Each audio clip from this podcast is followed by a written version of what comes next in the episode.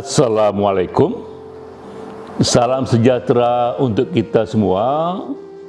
Om Swastiastu Nama budaya Salam kebajikan Awalnya adalah kearifan Awalnya adalah wisdom.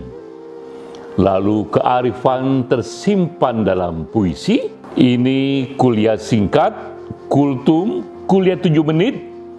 Kita menggali kearifan dari kutipan puitis, baik dari puisi ataupun dari prosa. Sekarang kita menggali seorang pemikir bernama Ibnu Sina.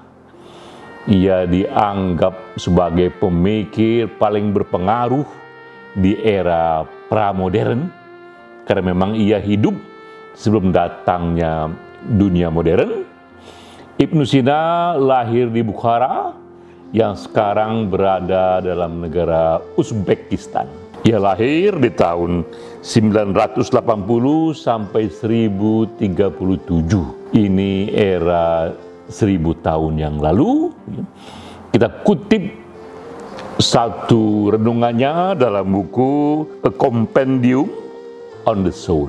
Buku karangannya yang sudah diterjemahkan berkali-kali ini bunyinya, kita diganggu oleh hadirnya kelompok yang mengira Tuhan tidak memberikan petunjuk kecuali hanya kepada kelompok mereka sendiri. Ini dari Ibnu Sina, ia menyatakan kesaksiannya bahwa kita sekarang ini diganggu oleh hadirnya satu kelompok yang merasa Tuhan hanya bicara kepada kelompok mereka saja. Di luar itu Tuhan tak bicara. Hanya mereka lah sah wakil Tuhan di muka bumi.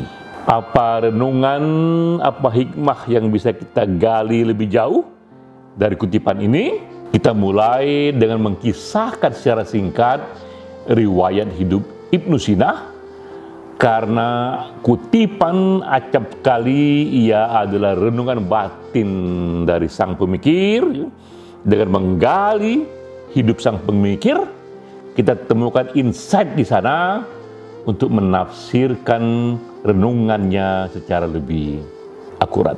Ibnu Sina di tahun 2013 PBB mulai memberikan penghargaan. Penghargaan dua tahun sekali sejak tahun 2013 dan PBB menamakannya ini Avicenna Prize. Ibnu Sina Prize. Avicenna nama barat dari Ibnu Sina. Kita melihat bahkan PBB pun menamakan penghargaan untuk etika ilmu pengetahuan, ini satu bidang yang sangat prestisius. Tak hanya ilmu pengetahuan, tapi etika ilmu pengetahuan, ia berikan penghargaan itu bernama Avicenna Prize. Begitu hebatnya penghargaan dunia kepada Ibnu Sina. Bahkan seorang sejarawan bernama George Sarton ia membuat buku tentang the history of science. Ini buku yang mencoba mengkompilasi perkembangan sains dan ia katakan Ibnu Sina satu dari pemikir terbesar sepanjang sejarah. Kita melihat dari kawasan muslim seribu tahun lalu lahir seorang yang disebut pemikir salah satu pemikir terbesar sepanjang sejarah.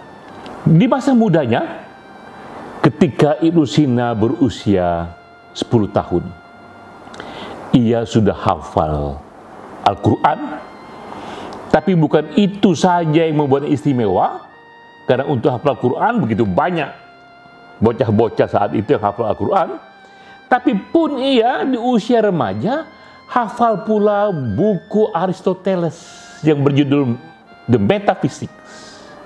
Di samping ia hafal Quran, ia pun hafal buku filsafat Aristoteles, Metaphysics. Di usia-usia yang masih muda, ia pun juga mendalami kitab-kitab penting dari Islam Sunni. Ia juga mendalami kitab-kitab penting dari Islam Syiah. Di usia 16 tahun, masih muda sekali, ia pun mulai menyentuh dunia medisin, ilmu kedokteran dalam bentuk paling awal, dan di usia 18 tahun, ia sudah menguasai seluk-beluk ilmu kedokteran, dan ia mengarang satu buku yang berjudul A Canon of Medicine.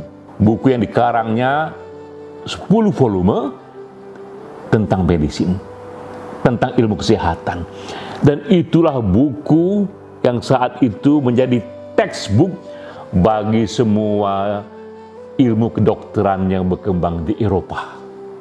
Jadi kita lihat era itu ya, di abad-abad pertengahan ketika universitas dimulai di Eropa, ketika ilmu kedokteran dimulai di Eropa karena peradaban barat mulai tumbuh, ketika mereka belajar ilmu kedokteran, yang digunakan adalah buku karangan Ibnu Sina. A Canon of Medicine 10 volume. Ia pun disebut Ibnu Sina sebagai bapak awal ilmu kedokteran.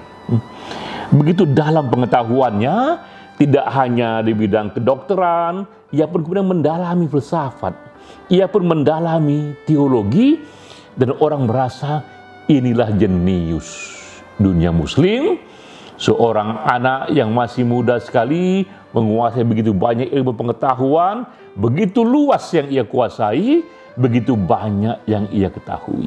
Nah, justru dalam posisi seperti itu, justru ketika Ibnu Sina bersentuhan dengan Al-Quran dan ia hafal luar kepala, bersentuhan dengan filsafat Aristoteles, ia pun hafal luar kepala, ia mendalami itu berbagai pemikiran mulai dari kimia, mulai dari medicine, mulai dari filsafat dan teologi.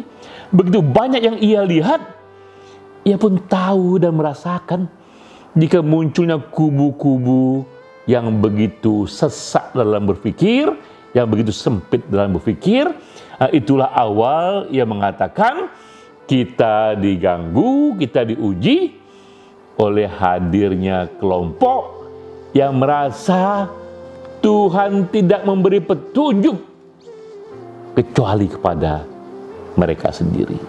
Bagaimana kita melihat renungan ini di zaman modern? Sengaja saya pilihkan contoh yang ekstrim. Contoh yang ekstrim yang merasa mereka lah dirinya lah, kelompoknya lah yang menjadi wakil Tuhan di muka bumi dan atas nama keyakinan ini mereka ingin mendominasi yang lainnya. Kita pun mengenal lahirnya ISIS, Islamic State in Iraq and Syria. Ini kelompok yang terus berevolusi. Awalnya ia lahir di tahun 1999 dan terus berevolusi dengan bentuk baru, dengan pimpinan baru, sehingga pada satu waktu mereka menguasai teritori. Sebagian di Irak, sebagian di Syria. Ini evolusi berikutnya yang berbeda. ISIS berbeda dengan Al-Qaeda, lebih hebat dari Al-Qaeda karena ia menguasai teritori. Dengan dana setahun yang dihitung satu billion US dollar atau sekitar 14 triliun rupiah setahun dan dilengkapi 30 ribu tentara terlatih. ISIS menguasai satu teritori dan mereka merasa mendapatkan satu citra, satu keyakinan ingin mengubah dunia, ingin membangun kekhalifahan dunia berawal dari Irak dan Syria dan akan meluas ke seluruh dunia untuk menjalankan syariat agama. Karena mereka merasa merekalah satu-satunya tempat Tuhan bicara dan ingin menjalankan itu. Apa yang kemudian terjadi? Kita melihat kekejaman yang luar biasa, tak ada yang bisa menandingi kejamannya setelah Perang Dunia Kedua. Data menunjukkan betapa misalnya ISIS mereka mengerjakan dengan apa yang sekarang disebut berbagai sebutannya. Ada yang mengatakan ini crimes against humanity. Ada yang mengatakan ini genosida, genosid. Ada yang mengatakan ini ethnic cleansing. Ya. Karena datanya memang itu. ISIS membunuh ribuan suku Kurdis yang meyakini agama Yidis, agama minoritas. Ribuan dibunuh dan para gadisnya dan para istri yang sudah punya suami, sudah punya anak, mereka jadikan budak seksual. Digilir kepada para jenderal-jenderal perang dan mereka menemukan pembenarannya. Mereka menemukan tafsir bahwa ini budak dari tawanan perang dengan semua interpretasi agama yang keras itu mereka anggap ini sah untuk dijadikan budak seksual di samping mereka kerjakan ethnic cleansing, mereka juga kerjakan juga satu bentuk kekerasan seksual yang juga masif. Kepada reporter-reporter dunia barat yang sempat tertangkap oleh mereka melaporkan ini, tak tanggung-tanggung mereka sembelih dan divideokan. Ya. Di era media sosial, video itu mereka sebarkan dengan rangka teror dan rangka mendapatkan perhatian untuk membuat dunia takut karena mereka merasa mereka punya legitimasi mengerjakan itu karena Tuhan berbicara pada kelompok mereka untuk menguasai dunia. Kita lihat betapa buruknya bentuk ekstrim dari keyakinan itu, keyakinan yang kata Ibnu Sina, kelompok yang merasa Tuhan hanya memberi petunjuk kepada mereka saja. Di luar mereka tiada itu petunjuk Tuhan. Kita sekarang selaku insan, selaku warga negara, di malam yang hening, kita merenung, ketika sudah datang ilmu pengetahuan, kita tahu bahwa bumi yang kita hidup ini hanya setitik debu saja. Begitu luas alam semesta, bahkan ilmu pengetahuan pun belum sampai tahu di mana ujung dari alam semesta itu.